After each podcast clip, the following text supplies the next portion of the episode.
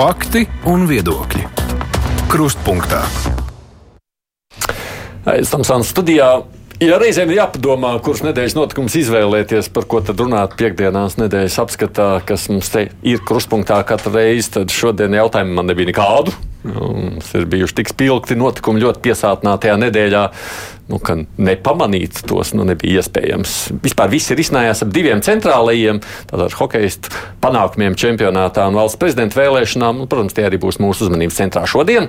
Studijā šeit ir Baltijas pētnieciskā žurnālistikas centra Baltika redaktors Anita Jemberga. Sveika! Labdien! Saku, un arī portāla RusTV net galvenā redaktore Ērika Staškeviča. Labdien! Sveicināti! Politoloģe, providus direktora un vadošā pētniece Iveta Kažoka. Labdien! Un žurnālists Saimel arī pārstāv Mārs Landers. Kurš neskatījās hokeja spēles no jums? Mārs neskatījās. Divi Jā, neskatījās. jā, nu, tas tā kā ja skaitās lasīt um, nu, to tiešraidi, ja man nervi netur. Man nervi netur. Nervi, nervi. Es jau gribēju prasīt, nervus nebija žēl. Jums nebija nervu žēl. Man arī netur, es skatos atkārtojumā, bet pēdējo, bet pēdējo varēju neskatīties, tāpēc, ka es dzirdēju vienkārši savā ielā. Pirmā māja sāk kliegt, otrā māja kliedz, trešā Jā, māja jā. kliedz. Skaidrs rezultāts, kāds ir. Es biju tāpat doma laukumā uz to pēdējo bronzas spēli, un es tik ļoti apskaudu Latvijas radio mm. žurnālistus, darbiniekus, kuriem bija tā brīnišķīga iespēja tur Skatīties pa atstāvēt, logiem, ne?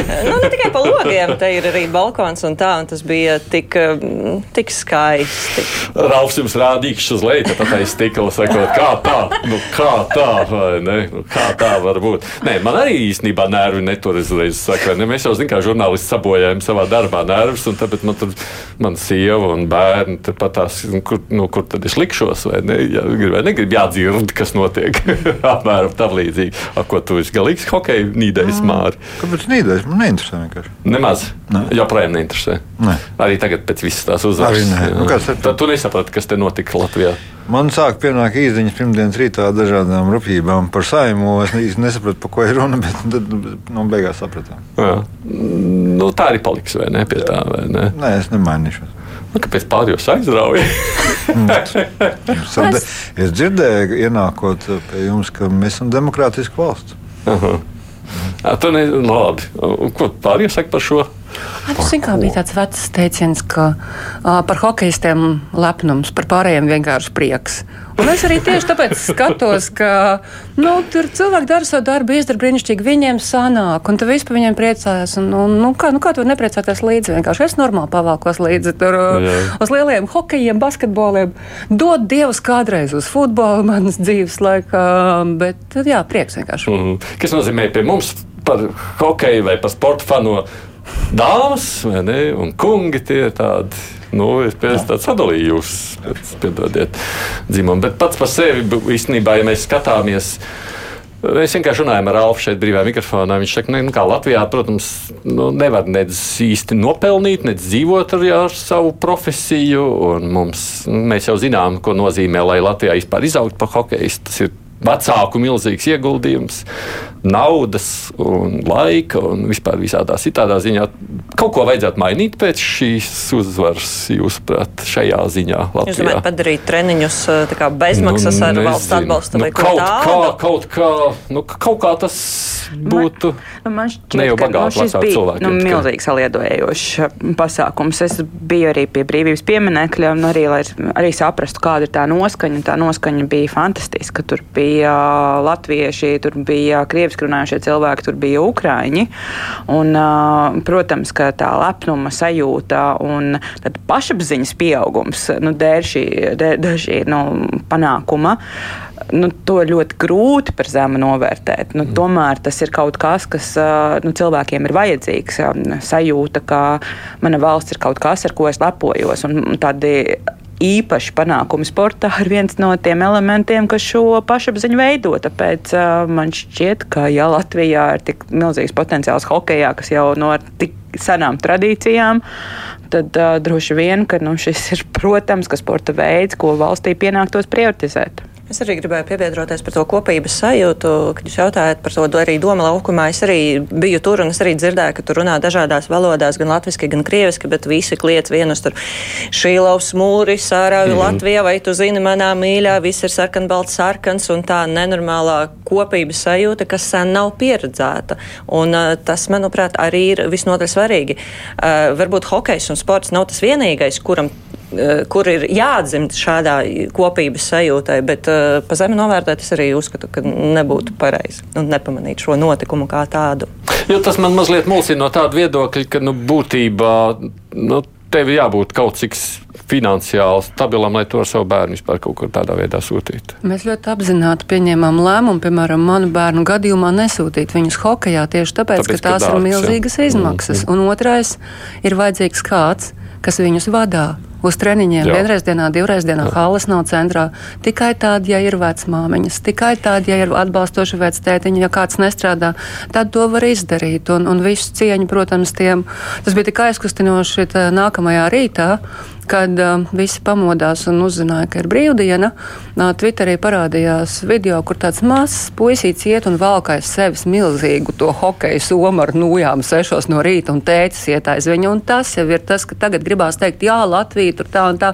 Nē, tie to cilvēku vecāki, vecvecāki, viņu pašu darbs un uh, viņu treneru darbs. Nu, kaut kādā mirklī tas, protams, ir neizbēgami. Ir skaidrs, ka mēs neuztaisīsim profesionāls auklis, kas ved bērnus uz hokeju. Tas arī skaidrs. Skaidra lieta, ka nē nē, bet nu, es, es neesmu sporta speciālists. Es esmu tikai sporta vecāks. Un, un tas, ko es pēc šī redzu, ir, ka ir bērni, kas grib sportot, un tad nu, bērnu masu sports ir tas, kas ir vajadzīgs gan viņa veselībai, gan tam, lai īstenībā būtu kaut kāds profesionāls komandas un lai sporto priekam. Jā, visa Latvija arī tagad redz Šilava veiksmes stāstu, un visa Latvija ir zina Omīta un Opi, kuri ir tā kā piecu bērnu ģimene, un kur tieši Omīte un Opīte bija tie, kuri veda to bērnu uz tām nodarbībām. Tas arī viss ir nenormāli aizkustinoši un, mm. un interesanti. Vai jābūt atbalstam? Nu, iespējams, ir jābūt municipālām atbalstam, nezinu, sporta skolām, un lai nav tā, ka tiešām tas ir tikai tāds ekskluzīvais, dārgais prieks. Protams, tas maksā naudu un tas maksā laiku.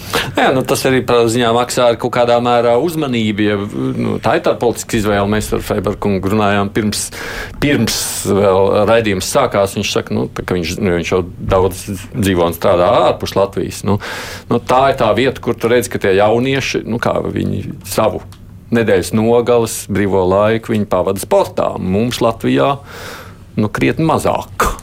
Jo nu, tās iespējas nav. Vecāki neparūpējās, tad tu tur sēdi telefonā tev nav tik daudz iespējas, laika vai gribēšanas. Tas vēl ir jautājums, jo tomēr, ja mēs skatāmies, cik daudz Latvija iegūda interešu izglītībā. Nu, no, tas gan, vai ne? Un es viņam teicu, toties mums iet uz muzikas skolu, mākslas skolu, un citas valsts saka, ja mums tā varētu, vai ne?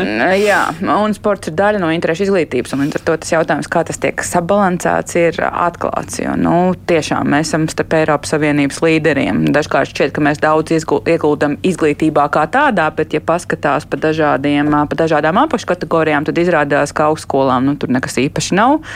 Vidusskolām nu, tā pa vidu, kamēr interešu izglītībā tur mēs esam līderi. Mm -hmm, tā tas ir. Mārķis, tev, kam sports neinteresē, ko tu domā par to, kam vajag lielāku uzmanību veltīt? Mēs runājam, jo mēs redzam, ka mēs to darām vairāk, piemēram, interešu izglītībā un mazāk sportā. Ko? Zinātnē? Zinātnē. Nu, zinātnē tu neveltīsi septiņgadnieku. Kāpēc? Ne? Arī. Protams, kā ir robotikas, tie Uzreiz tam vajadzētu vairāk. Tā jau ir interešu izglītība. Jā, jā, jā. tev šķiet, ka tā būtu jābūt. Protams, viss ir jauki, bet mums ir izcili, izcili zinātnieki, starptautiski atzīti, mm. kurus neviens ar puķiem nesagaida. Jā. Un, nu, ja cilvēks, piemēram, ir, viņam ir izcils sasniegums ļaundabīgu audzēju ārstēšanā, nu, tad es domāju, viņa ieguldījums ilgtermiņā ir lielāks. Mm. Nu, mums, mēs esam, kā Gigi Bors teica, jau pēc kara, otrā pasaules kara, mēs esam teikt, tāda kar, karnevāla un, un šovu sabiedrība 21. gadsimtā. Mm. Mums jau vajag bildi, mums jau nevajag saturu. Nu, šeit ir divas, divi klausītāji, dažādi viedokļi. Kristis uzskata, ka šeit politiķiem vajag sākt vairāk atbalstīt bērnu jauniešu sportu, kaut vai sākt ar tādu normālu atalgojumu treneriem. Uh, savukārt uh, Jānis Krastīņš raksta, manuprāt, šī psihoze ap hokeju liecina tikai par galīgi sviestā sagājušu vērtību sistēmu kāds ir sausais atlikums no visām šīm bumbu mētāšanas, spārdīšanas un tam līdzīgām lietām, ja neskaita urā patriotismu uzvaras gājienu. Ko sakāt par šiem viedokļiem? Ļoti labi, ka mums sabiedrībā dzīvo dažādi cilvēki. Tev tas neuzrunā vairāk. Ja? Nu, nu, nē, man, man tiešām šķiet, ka nu, par, par to, cik lielā mērā mēs prioritizējam kaut ko vienu, nevis citu, ir iespējams diskusijas. Man, man, man tiešām šķiet, ka šis bija ļoti svarīgi visai sabiedrībai. Nu, kā viens no tiem rētajiem priekš Latvijas gadījumiem, kad mēs tiešām publiski par kaut ko tik ļoti lepojamies un esam tik ļoti priecīgi un saliedēti. Ar to man šobrīd šķiet, ka nu, teksim, citas prioritātes uh, ir arī svarīgas, bet vienlaikus uh, nu, tā prieka sajūta ir pārāk dzīva, lai es par viņām nopietni šobrīd domātu. Kā pajautā man vēlreiz pēc kāda mēneša, droši vien es piekritīšu Mārim, ka ieguldījumi zinātnē ilgtermiņā varētu būt vēl nozīmīgāki. Jā, bet ja jūs pasakot arī tos 12 komentētāju video, kuri komentē, kad Latvija guva tos bronzas vārtus, kādas tur ir emocijas, kad arī pasaulē par to runā un visi tie jociņas, pociņi un mēmas, kuras aizgāja nu, jau virāli pa pasauli. Nu, tas ir svarīgi. Tas, kas eh, iespējams būtu nepareizi runājot par to eh, hokeja histēriju un tā, ka tuliņi visi metīsies eh, vēst bērnus uz hokeja skolām un visi tuliņi latvieši paliks pa hokejistēm, protams, ka tā nevajadzētu būt. Ir arī citi sporta veidi. Un mums ir izcili, nezinu, mūziķi un basketbolisti un volejbolisti un futbolisti. Un tad lūdzu skatāmies un vērtējam eh, bērna kādas dotības, kas viņam labāk padodas, un eh, skatāmies pēc tā, nevis pēc tā, ka nu, šeit hokejam ir īpašā vieta, un tagad visi tur plūdīs visa nauda un visa uzmanība. Mm. Nu, tā nevajadzētu būt. Jā, aizkustinošs moments, saliedējošs moments, nosvinam, nekautrējamies, lepojamies, beidzot darām kaut ko skaļu, kaut ko labu, skaļu, ne tikai sliktu. Un, bet tas nebūtu nenozīmē, ka vispārējais paliek neprioritārs un zinātne, protams, neviens arī neapstrīd, ka ar zinātniekiem ir jālepojas un tur ir jāiegulda nauda, protams, pats par sevi. Mm -hmm. Bija, tad nebija arī vērts organizēt brīvdienu vai ne māri pirmdienu. Mums bija brīvdiena. Tu te pamanīji? Nu, tu nepamanīji, tāpēc, ka tev viss brīvdienas ir, vai ne? Jā. Bet ko sakāt par visu šo nu, dīvaino nu, tādu emociju un viļņošanos ap pirmdienu? Jā, nu es, piemēram, uzzināju to, ka ir brīvdiena, kad es pamodos pirmdienas rītā. Nu, tā jau es arī, protams, kā un, citādi. Un man bērni, protams, bija ļoti priecīgi, ka viņiem ir brīvdiena no skolas, bet es nebiju tik priecīga, jo man bija jāstrādā, tāpēc, ka man viss bija saplānots tāpat kā lielai daļai citu cilvēku. Bet gala rezultātā es par to nestrīdos, nekas, ne, es, es nebēdājos briesmīgi, nekas briesmīgs nenotika, man pasauli neapstājās, bet vienkārši lēmumus tā pieņemt nedrīkst. Nedrīkst sasaukt saimas sēdīs pirms pusnakts un pieņemt lēmumu, ka rīt ir brīvs, jo tā brīvdiena ir jāapmaksā dubultā. Darba devējiem viņa ir jāapmaksā. Uh, var jau priecāties par to un teikt, var doties uz brīvības pieminiekli, bet kādam tā nauda būs jāatrod. Un es nesaku, ka to nevajadzēja darīt, bet, nu, mīļie cilvēki, nu, tad varēja vai nu normāli pa dienu to izdarīt, vai arī nu, no manas viedokļa to nevajadzēja darīt. Mm. Mēs tāpat, kas gribēja iet sagaidīt hokeistu, būtu aizgājuši, viņas sagaidījuši pie brīvības pieminekļa, un, un pārējiem, nu, es nezinu, es tiešām nepazīstu nevienu, kam bija brīvdiena. Jā, mēs arī, protams, strādājam, bet uh, mans viedoklis, ka to varētu darīt uh, iespējams ātrāk, ja, nu, ja ceturtdien jau kļuva skaidrs, ka mēs būsim tajā četrniekā, un tas ir tāds vēsturisks nu, brīdis. Ne, nekļuva skaidrs, ka mēs uzvarēsim. Jā, bet to jau varētu prognozēt. Nu, četrnieks jau arī bija skaidrs, ka būs publiska sagaidīšana, ka būs kaut kāds notikums, un tu jau vari rēķināties ar to, ka nu, tu vari ticēt savā izlasē, savos hokeistos un saprast, ka medaļa nu, kļūs aizvien reālākā. Un varbūt sākt masēt un vedināt uz to, ka, nu, lūk, kungi, ja būs medaļa, tad pirmdiena iespējams būs brīvdiena. Nevis tā, ka tas tika izdarīts svētdienā. Tas, uz, tas uzlikt atkal beigās piedienu. Kad, nu, nu, paga, kad mums bija olimpiāda, mums bija olimpiāda, pareizi, Džek dabūja zelta medaļu basketbolā, mums bija brīvdiena. Nebija. Un Nebija. cilvēki stāvēja malā un sagaidīja. Man liekas, ka citu cilvēku smagu darbu nav jāsvin ar brīvdienu došanu otrai pusē. Mums patiesībā būtu jāmācās no tiem čaļiem, jo arī tas, ko Māris teica par zinātnieku, tas, kas te visai kopīgs, ir tie cilvēki, kas sasniedz smagu darbu. Gan zinātnieki, gan sportisti. Līdz ar to nu, varbūt mācīties un smagi strādāt. Nu, gan man liekas, ka pēdējā čempionātā, kad futbolā vinnēja, ka Argentīna, kas tur bija brīvdiena nākušajā dienā, tādā pašā veidā. Es nezinu, kā mēs, viņi to tad, kad izsludināja. Latvija vinnēs pasaules čempionātā futbolā, es esmu pilnībā par Ā, brīvdienu, bet tas ā, nekad tad- nenotiks. Um, Bet tad arī būs pēdējā brīdī pieņemts nē, es, lēmums. es domāju, ka nevajag atzīmēt Nu, sporta drīzāk- panākumus ar brīvdienu. Jā, bet es drīzāk par to, ka piecas minūtes pirms pusnakts, nu, tas tiešām nav tas īstais taimings. Labais cilvēks, kurš dzīvo ziņās, es jau svētdien vakarā, kad pirmo reizi Miltons nāca ar to paziņojumu, ka mēs tiešām nopietni pie tā strādājam, es domāju, nu, diez vai tu ņemsi savus vārdus atpakaļ, jā, reiz tas publiski ir izskanējis, nu, gan jau ies uz to, un gan jau būs tas lēmums. Un es pusnaktī jau gaidīju, ka tā Jā. būs. Es gan es aizgāju gulēt, tāpēc, ka premjerministrs tajā brīdī izteicās, nu, ka to valdība nevar lemt, tāpēc viņš aicina darba devējs būt elastīgs. Es domāju, "Ā, nu, redz, tas viss apstājās. Jā. Es aizgāju mierīgi gulēt. Es arī domāju, ka nebūs. Tāpēc no rīta man bija, zi- ne, man nebija dziļš pārsteigums. Sievai bija zvanījis, tāds visu no rīta neļauj gulēt, tāpēc, ka viņa savukārt ir bērnu dārzā direktora vietniece un, un, izrādās, ka skola nedrīkst bērnus vest uz dārzu, dārziņu, kas atkal tāds jaunums. Ko tu saki? Nu, no savas puses, protams, tā, tas bija ļoti slikts stils šādā veidā nu, nedaudz iznērot nu, tieši to sabiedrības daļu, kurai nu, tā brīvdiena īstenībā vai nu nenotiek, vai arī nu, tā, ko tas izraisa, tas lēmums nedarbojas bērnu dārzi vai, vai, vai vēl kaut kādas sarunātas nezinu, nu, tikšanās ar valsts pārvaldes darbiniekiem un tam līdzīgi.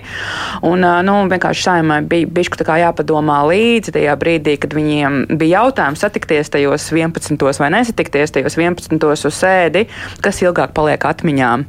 Brīva diena vai arī, nu, teiksim, nērtības, ā, kas, kurām ir konkrēts cēlonis, proti saima. Un man šķiet, ka Es ceru, ka mazākajai Latvijas sabiedrības daļai tā pirmdiena bija nērtības, nevis eh, nu, vienkārši brīva diena, bet um, nu, tiksim, tīri no cilvēku psiholoģijas skatoties. Man šķiet, ka šie cilvēki to vai ilgāk atcerēsies, jo te ir skaidrs to nērtību cēlonis, proti, sājuma, kas sanāk kopā 23. nakt vakarā, uh, nevis tas, ka kādam bija kaut kas brīvs. Bet es, man, man tiešām šķiet, ka nu, pati galvenā problēma, ka tas nebija paziņots saulēcīgi. Nu, saulēcīgi, jā, nu, te tā problēma ir. bet Mārs to tieši novērtē, vai ne, ka toties saimnes spēja savākties, paskaties, cik ātri brīvdienas vakarā un kurš sanāk kopā. Kurš novērtēs? Nu, Neko nenovērtē. politiķi spēja ātri rēģēt. A, Man vienalga. Tev nepatīk, ka viņi ātri vācās vai patīk? Nē, tu man prasa par konkrēto lietu, man pilnīgi vienalga. Jā, bet vispār pats par sevi redz, mēs demo, pa- saimne demonstrēja, ka viņi var svētdienas vakarā ātri sanākt. Pozīcija un opozīcija un balsot. Brīnišķīgi. un vienot, pat vienoties Super. arī opozīcija kopā ar pozīciju. Tā ir laba ziņa. Droši vien. Nē, tu man samulsināji. Es ka neesmu par to domājis.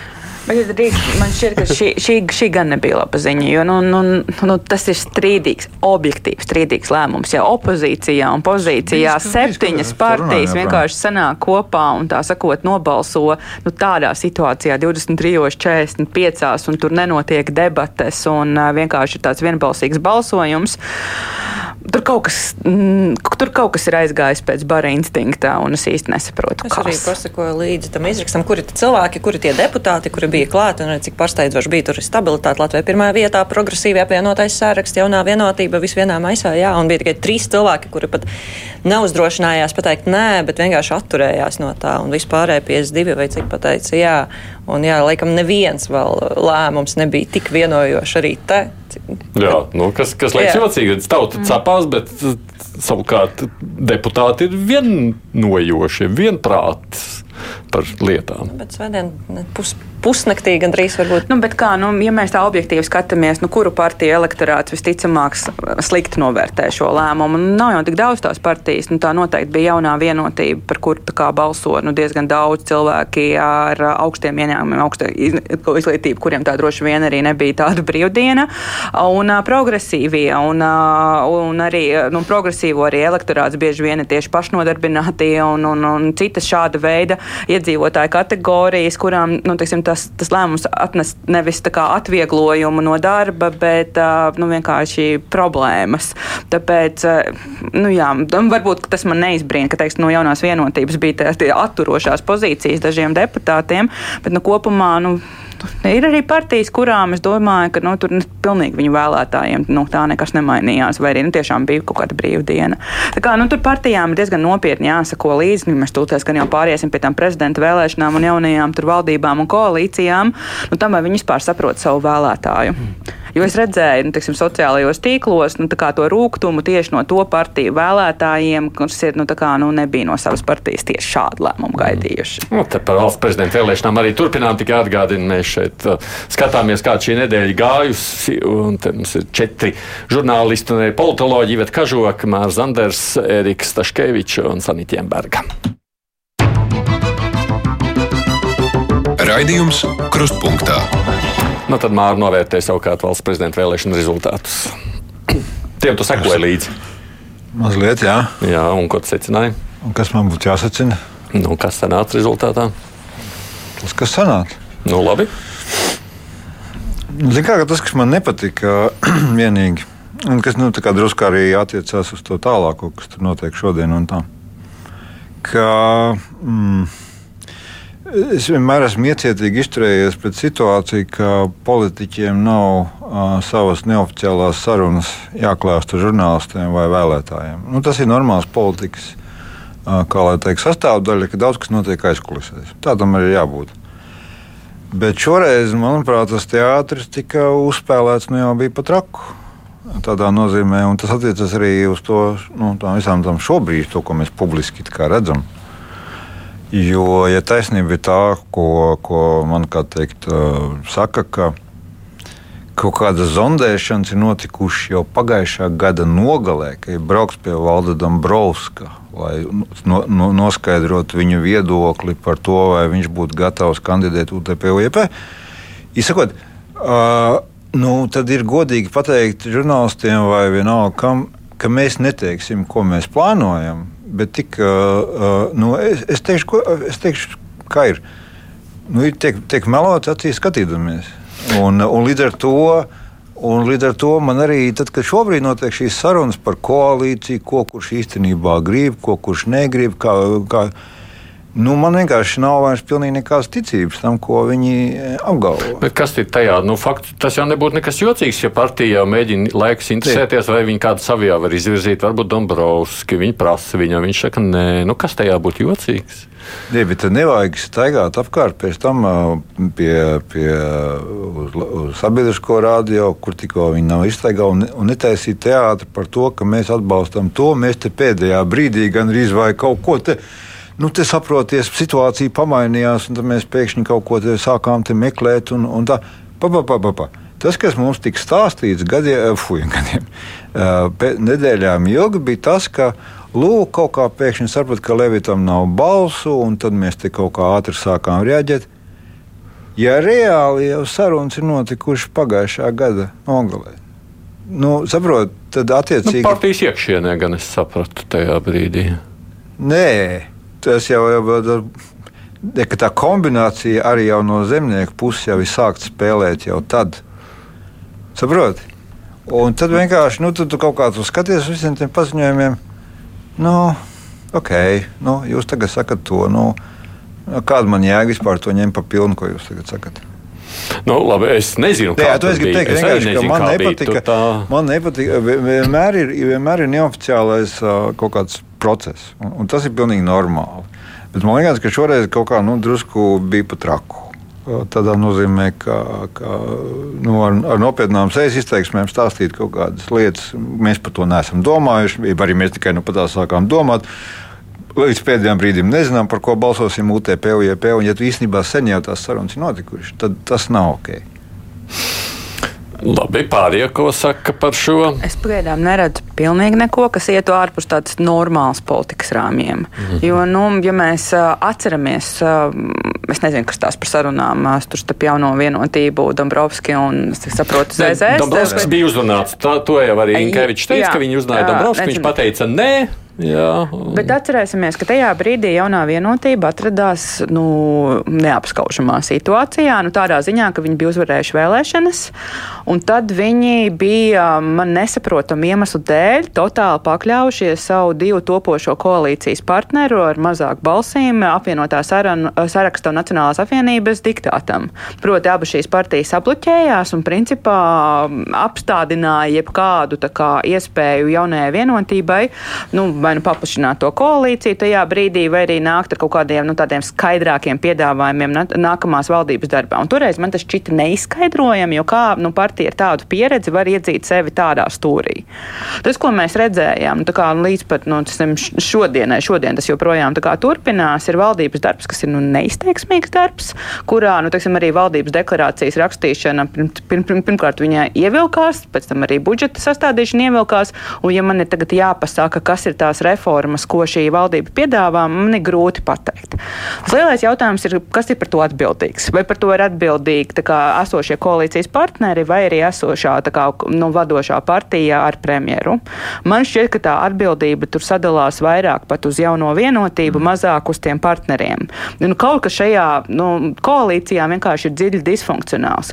Un tas, ka jaunā vienotība, ja tiešām ir taisnība Mārim, ir jau decembrī Nē, to sapratusi. Es neteicu, ka jaunā vienotība to darīja viens no, no zemnieku pārstāvjiem. Okay. Kas ir vēl smalkāk?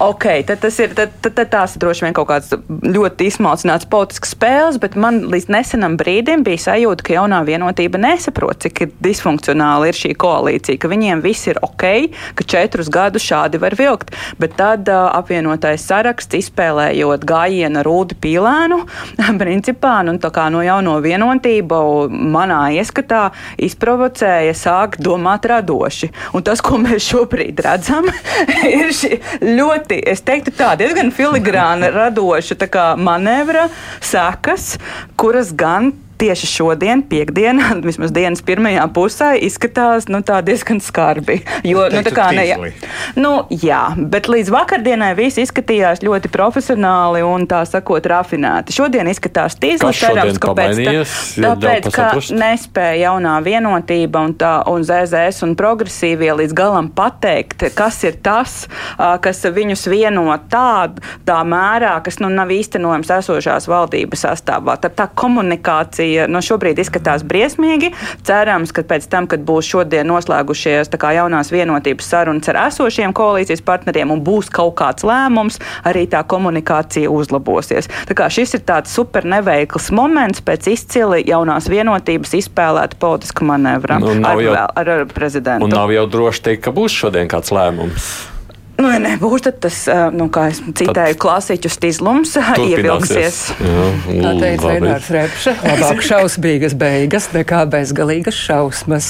Un es domāju, ka to viņi būs apguvuši no šī. Nē, man ir drusku, um, drusku citas bēdas um, nekā Mārim. Man labāk patīk, ka pieauguši cilvēki ar pieaugušiem cilvēkiem sarunājās atklātā valodā, nevis izdomā dažādus viltīgus, viltus argumentus. Un tagad, labi, ievēlēja prezidentu prezidentu, ļoti sakarīgu prezidentu, nu, tā vispārējā fonā ar ZZS un progresīvo balsīm. Nu, kāpēc ir jāstāsta, ka mēs nezinām, vai mums būs nu, cita valdības no, koalīcija? Nu, zirgam ir skaidrs, ka būs cita valdības koalīcija. Mums visa politiskā vēsture rāda, ka prezidenta vēlēšanās, ja tiek nu, nu citādāks balss samērs nekā koalīcija, parādās cita koalīcija. Nākamā pasaka, nu, nākamā pasaka pēc šīs pasakas, ka mēs nezinām, vai būs mm. cita koalīcija, ir mums ir vajadzīga plašāka koalīciju, lai mēs varētu vienprātīgāk pieņemt lēmumus par reformām. ZZS nav sinonīms vārdam reforma. ZZS ir sinonīms vārdam stagnācija. Stabilitāte. Sēd, stabi ne, ne, nevar tagad teikt stabilitāte, jo ir cits stabilitātes saimām. To stagnācija tagad iestājās. Un uh, ZZS ir pilnīgi fini, kamēr netaisa ciet skolas, kamēr iedod uh, normālas lauksaimniecības subsīdijas un kamēr uzliek jumtu vietējai baznīcai un kultūras namam. Tas nav ne ekonomisks izrāviens, ne kaut kādas milzīgas reformas. Tā kā godīgi pateikt, ok, bērni, vai nu mēs taisam. Īsāk jau bērni īstenībā ir viena, ka, ka nu, ka man ne, nu, nepatīk tas tā muldēšana. Pat man ir, un Nā, trešais, kas man tiešām nepatīk pie šī visa, ir uh, arī uh, nevajag turēt, vēlētājs ir gudrs patiesībā, nevajag turēt viņu pa muļķi, kur tagad labi nobalsoja ar ZZS balsīm prezidentu. Nu, nevajag mēģināt stāstīt, ka šis ir cits ZZS, un tas ZZS, kas bija oktobrī, ar ko nevarēja taisīt valdību, bija pilnīgi cits ZZS. Tas ir tas pats ZZS. Tie ir tie paši divi Lemberga partijas deputāti. Nu, vienkārši, jā, mē, tad vienotībā jāsaka, mēs ievēlējam ar ZZS balsīm, mēs uzskatām, ka šajā sastāvā mēs nevaram strādāt, jo mums tur traucē apvienotā saraksta ambīcijas vai, vai Nacionālās apvienības, tur vēl kaut kas. Jā, tas vienkārši tā ir. Jo tagad notiek tāds, nu, tad es pat neteiktu, kruperīšanas čempionāts. Tur tagad olimpiāda iet vaļā. Vienotība izliekās, ka tas nav ZZS, tas ir pilnīgi cits ZZS. Kā progresīvie varētu pamatot saviem vēlētājiem, kāpēc viņi iet ar to ZZS kopā, kas tur ir bijis. Nu, un tāpēc man liekas, ka ir, ir pietiekami ok spēlēt ar atklātām kārtīm, rēķināties, ka vēlētājs vai nu piedos vai nepiedos. Bet man kā pieaugušam cilvēkam redzēt mm. to visu, to, to nu, man jāsaka, tas vārds mudrīšanu, dažādu argumentu, man tas kaitina. Un es, es negribu, lai tas vēl vairāk nivelē to ticību politikā, jo no visiem viedokļiem forša nedēļa, nu, cilvēki priecīgi nedēļas sākumā. Prezidents arī ir kā latviešu galvenais arguments. Galvenais, lai nav kauns. Nu, par šito nav kauns. Nu, viss ir kārtībā. Nu, Kādu kuram? Nu, tad... Kādu kuram? Nē, nē, nu, ir jā, tev taisnība. Jā, sociālajos tīklos es saprotu, ka tur ir cilvēki, kuriem ir, ir problēma ar to, ka kāda ir prezidenta seksuāla orientācija, bet man liekas, ka mēs kā Latvijas valsts atkal esam pārauguši to tieši ar šīm vēlēšanām arī. Dzen. Mm. Es domāju, ka vienīgā piezīmē pie tā, ko jau kolēģi ir pateikuši, ka, ja tu vari spēlēt ar atvērtām kārtīm un paust visu, kā ir, ka tu zini, kas tev ir, nu, izskatās no malas, ka tur vēl nav līdz galam skaidrs arī iekšēnē, arī visos kulāros un visās sarunās tie lēmumi nav pieņemti. Tā ir kaut kāda lielā spēle, kur ir daudz mainīgo, un neviens nezina, kur tie mainīgi aizvedīs. Kā tu vari komunicēt atklāti, ja arī slēpta ar slēgtām durvīm nav, nav risinājuma. Varbūt tas par to liecina, ka viņi nevis kaut ko slēp, bet tas, ka risinājuma vēl nav. Man tracina tas, cik milzīgs laiks tiek atvēlēts, lai apspriestu kaut kādus procesus, kurš būs vai nebūs valdībā, un cik maz laika pēc tam tiek atvēlēts, lai, lai pateiktu, ko šī valdība izdarīs. Man, man tas interesē. Es saprotu, ka cilvēkiem kādu laiku pavadot politikā šīs sastarpējās saspēles un intrigas liekas bezgalīgi interesants. Man nē. Man tiešām gribas zināt, ok, labi, ir jauna situācija, tad kas būs, ko jūs darīsiet mm. un ar ko jūs kopā mm. to darīsiet. Un man ar to pietiek. Pateikt, ka no vienas puses, jā, ja tu esi tāds ziņu atkarīgs un vēro visus tos procesus, jā, ziņā šobrīd nav garlaicīgi. Visu laiku, šodien visu dienu nāk notanes, tur Levits kādu nominēs uz jauno amatu, nenominēs, tur tiekās koalīcijas partneri, Zaļo zemnieku savienība, tur kaut ko mājo ar rociņu progresīvēm, progresīvie atbild notiek tāda mediju komunikācija. Nu, šovs, ir, šovs. šovs ir, ir ko darīt, ir par ko rakstīt, ir par ko taisīt breikings un tā tālāk. Bet ja tas ievilksies un tā, tā karstā vasara, kas nu pat politiski karstā vasara, nu pat ir sākusies, ja viņi ievilksies un septembrī mēs sagaidīsim vēl joprojām ar šo tādu badmintonu un publisko spēlīti, tad kur paliek nu, atklātie jautājumi, nezinu, politi, policija, mediķi, skolotāji, visas tās problēmas. Viņas jau nekur nepazūtu, ja mēs enerģiju tērējam uz to, kurš pie, ar kuru tur kopā runās, nerunās, vai tā ir cita zaļā tur partija vai nav, un visa enerģija aiziet tur tajā brīdī, kad tev deg, nu tev tikko skolotāji te pati bija doma laukumā, tev eh, policija šādiskās problēmas, mums Jēkabils eh, slepkavī, un tas ir tikai viens no visa tā lista ar darbiem ir, bet mēs tērējam enerģiju, kurš ar kuru draudzēsies, kurš kuram ko ir vai nav solījis. Nu, tas, protams, ir mm, sasodīt nepareizi. Nu, tā kā es esmu nedēļas apskatā, kas nozīmē, ka es skatos nevis nākotnē, bet pagātnē visu laiku tāds man darbs šeit, šajā dienā skatoties. Es tomēr mazliet atgriežoties pie tā, kas notika vakar un aizvakar. Un vispār šajā kopējā procesā divas partijas grib šīs koalīcijas abas partnerus uh, pieminēt. Apvienotais saraksts ar uh, Ulda pīlēna izvirzīšanu un ciešu turēšanos līdz pēdējām. Viņi paši sevi iedzina stūrī un pārreikinājās, ka tas rezultāts ir tāds, tagad, kad nu, viņi var izlidot vispār no teikšanas pie. Jā, stūris. bet uh, viņi drīzāk pārreikinājās taktiski. Uh, nu, viņi, viņi pieļāva nopietnu kļūdu. Pīlēns par ātru pieteica to savu ambīciju kļūt par prezidentu. Viņam principā vajadzēja pēc tam parādīties kā kandidātam, kad Levits jau būtu bijis paziņojis, ka viņš kandidē. Kas tad mainīja? Nu, tad nebūtu tos... Rinkēviča faktora. Un tad uh, būtu daudz vieglāk nu, taksim, atrast pīlēnam 51 balsi. Nu, tā ir viena lieta. Otra lieta, ka viņi tomēr nu, nav, nav spējuši kā partija apvienība izveidot sev tādu identitāti, lai viņiem nu, vismaz publiskajā telpā būtu tādi īpaši aizstāvi, kas teiktu, ka ja apvienotais saraksts tagad izkrīt no valdības, nu, tādā gadījumā svarīgas reformas nenotiek un tā sakot, valsts no tā cieš un kā apvienotais saraksts nav aizvietojums ar ZZS. Pagaidām es neredzu, kāds to būtu teicis. Līdz ar to viņi nevē, neņēma vērā šos divus iespējamos faktorus, ka Levits nepieņem, nepiedalīsies tajā, tajā, tajā, tajā prezidenta vēlēšana posmā, un viņi to pīlēnu vienkārši pa, no Udi pīlēnu pieteica par ātru, un otrs, ka viņi pārāk maz laiku veltīja nu, ne tik daudz šiem politiskajiem manevriem ar domu, ka pīlēns būs prezidents un Kariņš būs premjers un ko viņi dalīs pēc tam, bet veidojot sevi kā tādu partiju ar kaut kādiem saviem, saviem, saviem vēstījumiem, ko tad viņi arī mēģinātu sabiedrībai nu, pasniegt kā nu, tieši savu sasniegumu vai nu šajā valdībā vai kādā citā valdībā. Tāpēc šādā ziņā, protams, ka viņi ir pārreikinājušies un šobrīd viņiem draud diezgan reāla opozīcija vai arī nu, tā diezgan nu, tāda uh, atrašanās koalīcijā stipri pazeminātā ietekmes, uh, jā, stipri pazemināta ietekme. Tieši pavērot, cik zolīdi viņi šobrīd komunicē, nu tā kā apsveic jauno prezidentu ar ievēlēšanu. Viņi nesaka publiskos ultimāts atšķirībā no Nacionālās apvienības, kuri jau nu, nāk ar tādiem skaļiem paziņojumiem, ar tiem neiesim un lai tur vienotība pati apmaksā savus rēķinus. Nacionāla apvienība tādā ziņā, nu, tā liekot ultimātus un novelk kaut kādas līnijas apvienotais saraksts, nu, ļoti izolīdi, ļoti mierīgi to visu komunicē, tas neliecina par to, ka viņi negrib dedzināt tiltus un palikt attiecībās ar esošo partneri. Es domāju, ka viņi brīnišķīgi saprot, ka viņi ir nomaināmi ļoti ātri ar principā tieši tādu pašu politisku spēku, kādi ir viņi. Un, tāpēc cilvēki ļoti labi saprot, ka. Um, ka viņa pozīcija nav apskaužama, bet es vairāk domāju par to, ka par vienotību. Uh, Viņiem ir tāds interesants imidžs, tur, tur no serijas profesionāli, stabili un tā tā. Um, bet viņi ir, manuprāt, visnotaļ ļaunatminīgi un ar lielāko prieku šobrīd uh, to apvienoto sarakstu par visu to, kas bija valdības veidošanas procesā, pīlēnu, viņa kara istabām, vilkšanu garumā, tukšo runāšanu. Es domāju, ka viņa liela prieka ar savu pieredzi šobrīd viņas apspēlē. Un arī mēs jums ierādīsim vietu valdībā. Viņa liek arī pierauties Nacionālajai apvienībai, kas līdz šim principā ir uzvedusies kā lielākā koalīcijas partija jau diezgan daudzas valdības. Bet jautājums, vai tā nav pierra uzvara, vai kaut kādā brīdī viņi sapratīs, ka ir jāapstājās. Un jā, viņa ir lielākā partija. Nav jautājumu. Viņa ir saimnes lielākā partija, jā, viņa ir premjera partija, bet vai viņi nespriež, ka jāapstājas bišķiņu un jāpaklausās arī bišķiņu uz tiem pārējiem, jo Latvijas ceļš jau vienreiz vienu tādu tāciņu ir iemīlis. Nu, tas jau gan ir ne tikai Latvijā, es domāju, jebkura vēsture lielā partija rāda, kā viņa ātri. Nu, saka, Bet šis ir tas viņa brīdis, manuprāt. Šis ir tas jā. viņa brīdis, ja viņi vinējuši vēlēšanas, viņiem ir premjers. Uh, viņi, viņi ir, ārkārtīgi gudrā kombinācijā tikuši pie prezidenta. Un tad jautājums ir, nu tad var tagad kaut kā nomierinamies un izdarām kaut ko, jo Iveta ir pilnīgi taisnība. Ja jums liktu nosaukt vienu jaunās vienotības valdības darbu, kopš ievēlēšanas kāds var kaut ko tādu, kas paliek atmiņā?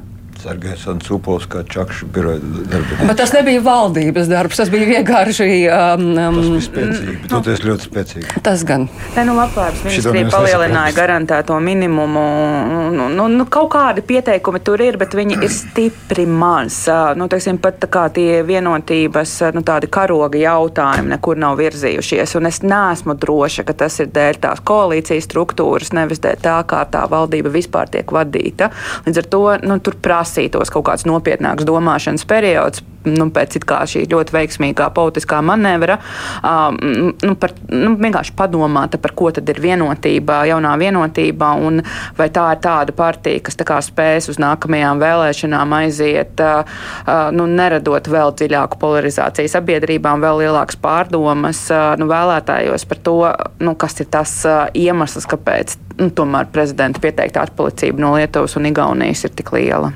Pabeidzot tikai vēl tajā politiskajā sadaļā apvienotā saraksta stāstu, nu, Ainārs Lisers no mm, tribīnas pārmet, ka apvienotais saraksts nav cīnījies un nav aktīvi darījis, lai pīlēns būtu, uh, iegūtu vajadzīgo atbalstu. Un, un tad, protams, tāda parādās runas par to, kas vispār notiks ar apvienoto sarakstu, vai viņi tur paliks kopā vai nē. Varēja kaut ko apvienotais saraksts darīt labāk, vairāk, citādāk nekā viņi beig beigās izdarīja. Mār. Man grūti spriest. Es domāju, ka vienkārši zemnieki ļoti prasmīgi spēlē. Un, un nu, kā, Lai gan viņi, protams, ir līdzīgi, no līdzīgi kaut kāda, kā sacīt, ģenētisko kodu politisko, bet nu, zemnieki izrādījās Valaņa kunga personā, izrādījās krietni talantīgāki par, par, par, par apvienoto sarakstu. Turklāt ne, neaizmirstot, ka tur ir ļoti dažādi arī cilvēki. Nu, nu, dabā, tur ir liepānieki, tur ir ap, reģionāla apvienība, nu, kaut kā tā, tur ir nu, pats par sevi lieluma, pirmā lieluma zvaigznes, Miltāna kungs, kas ir nu, lielums kā tāds. Un tas, iespējams, viņam traucēja. Nu, skaidrs, jo tāpēc, ka, nu, viņiem nu, grūti sastrādāties. Es domāju, ka nu, varbūt tagad nē, bet, bet ilgstoši bija pieslīpēšanās vēl. Nu, par to zemnieku izma izmanīgumu es vēl būtu piesardzīga teikt, ja, Kariņš šodien paziņos par demisiju, tad jā, tad ir skaidrs, noteikti, tad ir jauna valdība, tur ir jaunā vienotība ZZS un progresīvie un varbūt apvienotais saraksts. Tiešām tur neredz tur Nacionālu apvienību, bet uh, mans lielākais jautājums trešdien, kad tika mm. ievēlēts jaunais prezidents, ir, kas traucē jaunai vienotībai pēc tam, kad viņi ir saņēmuši kā sev kā saprotamu prezidentu, vienkārši pateikt tiem pārējām partijām, kas par viņu balsoja. Ziniet, mēs mēģinājām pamainīt, pamainīt valdību. Mūsu vēlētājiem nepatika, vēl kādam nepatika, darījām visu, ko varējām, bet nu, nesanāca. Un tādā gadījumā ZZS paliek vienkārši drausmīgā situācijā. Viņi ir joprojām opozīcijā. Prezidents ir Rinkēvičs, kas viņu vēlētājiem nu, nav īpaši izskaidrojami, un plus vēl jaunā vienotība ir nostiprinājusi savas pozīcijas tā, ka viņi jebkurā brīdī saviem koalīcijas partneriem partneriem, apvienotiem sarakstam un Nacionālajiem apvienībai var parādīt izēju. Un es īsti neredzu, kas ir tas, kas garantē nu, teksim, nu, to, kas priekš ZZS, ka šāds scenārijs nav iespējams. Es gan redzu. Es, es, protams, kas? nebiju klāt. bet, uh, nu, pieņemsim, ka mans astrālais ķermenis uh, to redzēja, ka uh, zemnieki uh, vienotībai uz papīra sarakstīja, ka var arī būt valdība bez viņiem, bez jaunās vienotības. Un tur var sanākt ka no serijas, ja jūs mūs uzmetat, tad vienkārši agrāk vai vēl jūs vienkārši iziet ārā. Tāpēc mums arī pret Šlēceru kungu principā, nav baigi iebildumi. Tā. Tāpēc uh, tas. Uh, Tā nedrīkst, te smuki jāizrunājās, jau sabiedriskais radio, bet nu, nu viena orgāna daļa, teiksim, tā jaunai vienotībai ir spīlējusi. Tur, nē, nē, tur cilvēki domā, jo skaidrs, ka kādas var būt garantijas par to, ka kādas, kādas var būt zemniekiem garantija, ka vienotība tā arī pildīs kaut kādas apņemšanās, par kurām mēs īstenībā neko nezinām, lai gan visi zina. Ja? Uh, bet, nu, ja te uzliek uz papīra un saka, mēs te esam šādi arī varam uzlikt, Un tad mēs atriepsimies par to, ka jūs mūs piečakarējāt. Nu, tad kas jādara? Tad jāpild savu solījumu. Nu, Nacionālajai apvienībai saviem vēlētājiem izskaidrot koalīciju ar Šleseru būs daudz grūtāk nekā izskaidrot koalīciju ar progresīvajiem. Un tas Mums ir tā vājā vieta šai scenārijā. Nacionāla apvienība ir bijusi koalīcijā, taču ar, ar dažādām partijām. Un tā nu gan ir viena izdzīvotāja partija tajā ziņā, kādu metālu vajag tādu uzvelku. Vajag zvaigžņot davai, vajag tur veravīgs un davai, kamēr tu esi atvainojis valdībā.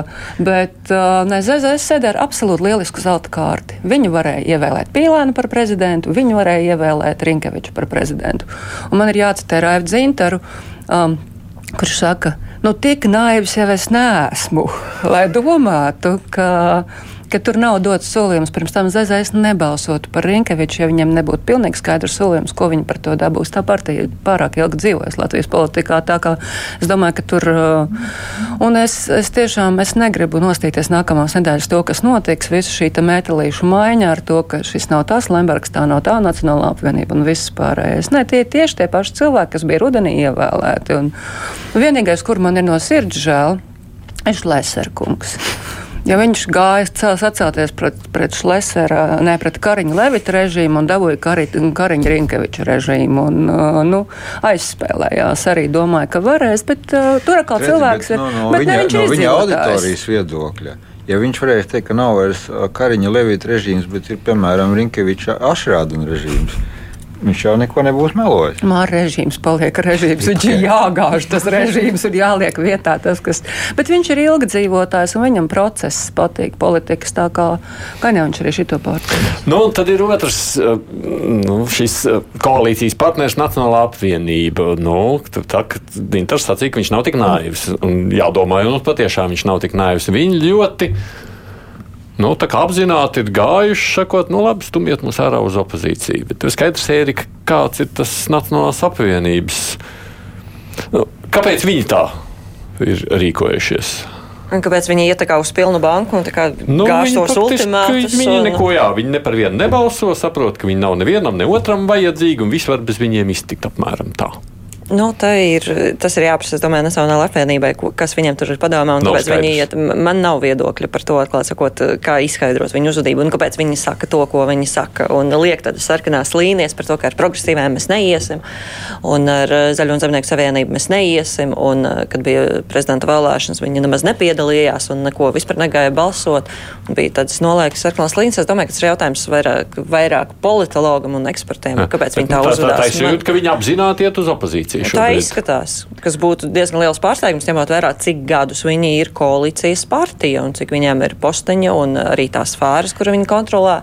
Kāpēc viņi iet uz tādu risku? Nu, tā jāprasa padoms, varbūt drīzāk Ivetei. Nu, Ivetei ir pajautāšu šanī, bet tu tikko sacīji, redz, viņiem, ka tikai pie varas visus vajadzīgos karodziņus var uzvilkt. Te izskatās tieši otrādi šobrīd. Līdz šim vienmēr tā ir bijis, ka viņi varēs uzvilkt metelu kādu vajag. Tas, ko viņi šobrīd izvēlēsies, man, uh, man nav tādu attiecību ar Nacionālo apvienību, lai zinātu, kas tur iekšienē notiek. Iespējams, ka viņi ir izvēlējušies taktiku ar domu, ka īstermiņa opozīcija mums pa ļaunu nenāks, pasēdēsim, pēc tam uz vēlēšanām varēsim teikt, ka mēs jau neesam tādi kā tie pārējie, kas aizgāja Lembergu un tur pievīla savus vēlētājus progresīvie un tā tālāk. Varbūt, ka tas ir aprēķins. Es tiešām nezinu, līdz -hmm. nākamajām vēlēšanām ir tālu. Un tas ris lielais risks, protams, ir, ka Tu vienā brīdī domā, ka tu sēdēsi īstermiņa opozīcijā, bet tu iesēdies ļoti ilgā opozīcijā. Un sēdēšana opozīcijā nozīmē, ka daļai tavu biedru Uh, figurāli izsakoties, nav ko ēst. Tas, pie kā viņi ir pieraduši, viņiem nav darba padomēs, viņiem nav, teiksim, dotāciju tām pašvaldībām tādu, kā viņiem gribās. Nu, tas ir riskants. Es, es viņu saprastu so soli no, no viņu tāda imidža viedokļa pateikt uz nākamajām vēlēšanām, mēs esam savādāk. Jo tas viņu vēlētāju skaits ar, katru, ar katrām vēlēšanām tomēr krītās. Bet jautājums ir, vai ir tā, nu, bet gan jau viņi paši labāk zina, vai viņi var to opozīciju izsēdēt tos trīs gadus. Nu jā, jo redziet, ja mēs runājam par ZZS, cik viņa jaunā vienotība filigrāna spēlēja, spēlēja tādu apvienoto sārakstu, kuriem, acīm redzot, tur nav vēl tāda spēja vai nu sastrādāties, vai viņi nenojauš, kas notiek. Nacionālajiem apvienī, apvienībai taču ir ļoti tāda nu, liela pieredze, vai ne? Un, lai nu ko, bet jādomā arī politiskās nu, notikuma izpratne. Nu, pirmkārt, Ko viņi, viņi? Nav, viņi, viņi nav tā, saka, viņi rāda iespaidu, ka viņi ir gatavi tagad iet opozīcijā, bet pēc būtības viņi ir ļoti uzmanīgi gan savos izteikumos, um, gan arī tajā, kā viņi nu balsoja, vai precīzāk, kā viņi nepiedalījās jā. balsojumā par Rinkēviču, lai nebūtu jābalso ne par, ne arī viņiem būtu jāatzīmē tajā elītē, ka mēs esam pret Rinkēviču. Tas bija ļoti apzināti veidots tāds manevrs, lai signalizētu jaunajai vienotībai, ka mums jau nav iebildumu turpināt esošo koalīciju koalīcija, pat ja prezidents arī nāk no jaunās vienotības. Tāpat tās arī viņi nesaka, ka viņi iest opozīcijā. viņi tā sakot, viņi, viņi, viņi saka, ka, nu, teksim, ir jābūt kaut kādam lēmumam, un tad, nu, kā viņi domās, bet principā viņi ir gatavi arī kā, doties kā, opozīcijā, ja šāds lēmums tiek pieņemts, bet nu, tur laiku pa laikam ieskanās arī citi nots, ka ir kā, svarīgi tā, konservatīvo vērtību pārstāvība valdībā, tad to mēs nezinām. Mēs nezinām, kas notiks gadījumā, ja Krišjānis Kariņš paziņo, ka viņš ne neatkāpjas no tā sava lēmuma, ka ir kaut kas jāmaina uh, koalīcijā, jo nu, ir diezgan skaidrs, ka Nacionālā apvienība un apvienotais saraksts kaut kādā brīdī varētu atbloķēties. Viens vai otrs to pragmatisko iemeslu dēļ, ko nu pat Sanita minēja, varētu tomēr gribēt tajā valdībā būt. Un valdībai principā viena vai otra no tām partijām nu, nav gluži kā ēst vajadzīga, bet stabilitātei noderēs. Un uh, tad ir jautājums, tajā brīdī, kad būs pilnīgi skaidrs, ja būs pilnīgi skaidrs, ka jaunā vienotība redz jaunajā uh, koalīcijas kodolā ZZS un progresīvos, kura no šīm abām pāri palikušajām partijām, apvienotais saraksts vai Nacionālā apvienība, izmisīgāk vēlēsies šāda veida koalīcijai pievienoties. Vai arī tiešām ir iespēja, bet es domāju, ka tas ir nu, mazāk ticams, ka abas šīs partijas tā lepni aizies opozīcijā un nemaz nemēģinās šāda, šāda veida koalīcijai pievienoties. Bet apvienotiem sarakstām to izdarīt būtu salīdzinoši vienkāršāk. Viņi tur nav neko baigi solījuši, bet Nacionālajai apvienībai progresīviem, man liekas, ir vēl lielāka problēma nekā nobalsot par Inkēviču. Ne? Es nedomāju, jo atkal, ja, ja mēs atceramies uh, iepriekšējās vēlēšanas, tad uh, Providus uh, vienā no saviem pēcvēlēšanu pētījumiem mēs pasūtījām pētījumu firmai SKDS atbildes uz vairākiem jautājumiem. Tā skaitā jautājumu par to, kā dažādu partiju vēlētāji redz, kas ir nevēlamie partneri, uh, partneri uh, koalīcijās. Un nu, nav tā, ka vairākumam Nacionālās apvienības vēlētāji bija kaut kādi ļoti milzīgi iebildumi par partiju progresīvie jā, diezgan lielai daļai, bet nu, līdzīgi kā ļoti lielai daļai, bet arī ne vairākumam jaunās vienotības un progresīvo, cevišķi progresīvo vēlētāju problēmu redzēt ZZS bet koalīcijā. Pēc vēlēšanām tik daudz tika sarunāts un bet tik bija... ļoti sacīts, ka nu, progresīvie tur ir komunisti, ģeņini pēcteči un visi pārējie. Tas bija skaidrs iemesls, kāpēc tas tiek darīts, jo tur, tur bija dzelžaina politiskā loģika no Nacionālās apvienības puses, jo viņiem šis modelis apvienotais saraksts jaunā vienotība un un, un, un kā viņi paši ir modeli un ap visiem pārējiem savilktas sarkanās līnijas ir tas, kas viņiem dod nesamērīgu ietekmi uz koalīcijas lēmumiem. Nesamērīgu ietekmi salīdzinājumā ar viņu reāli iegūto uh, balsu skaitu, kas ir mazāks nekā bija pirms četriem gadiem, un tam mēs pat nerēķinam to kara klātbūtni. Viņi principā zaudēja šīs vēlēšanas, bet vienlaikus nu, dēļ tā, ka viņi savilka šīs sarkanās līnijas ap ZZS un progresīviem, viņu ietekme esošajā koalīcijā ir nesamērīga. Protams, ka šī partija nevēlas šo nesamērīgi lielo ietekmi šobrīd zaudēt.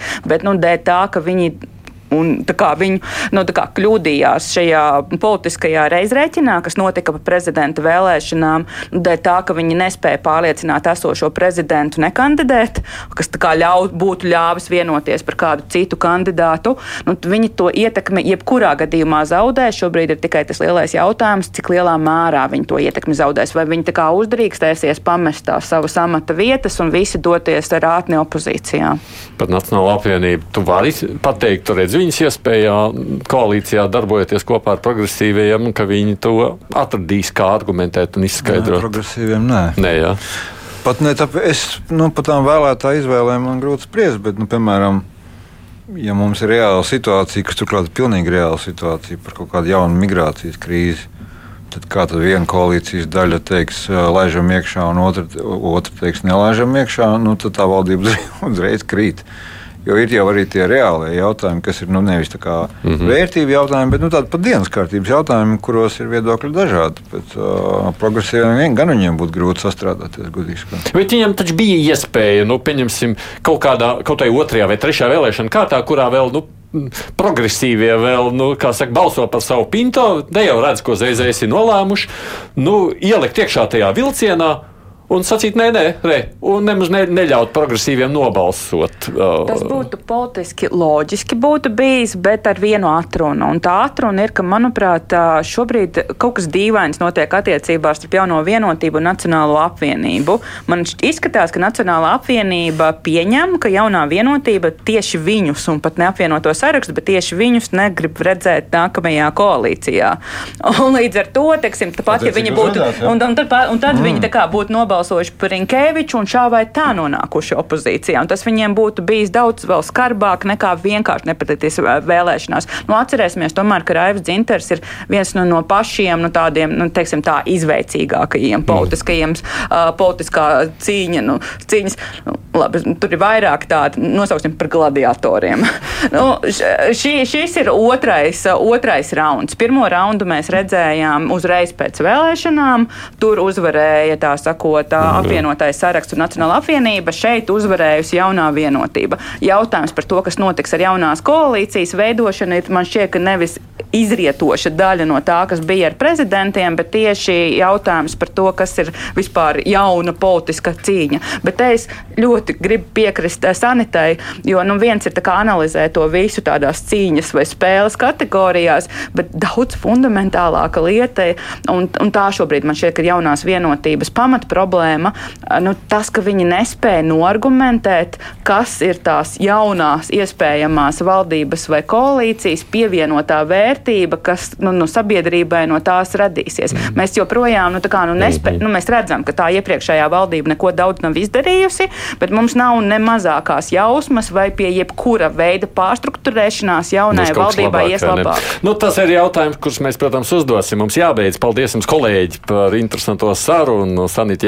Jemberga, Eriks Taškevičs, Mārs Anders no žurnālistikas un politoloģija Ivet Kažoka. Paldies jums, ka atnācāt šeit uz krustpunktā. Krustpunktā šodien izskan producente Vijunāms, tad jā, biju es, Haidis Tomsons.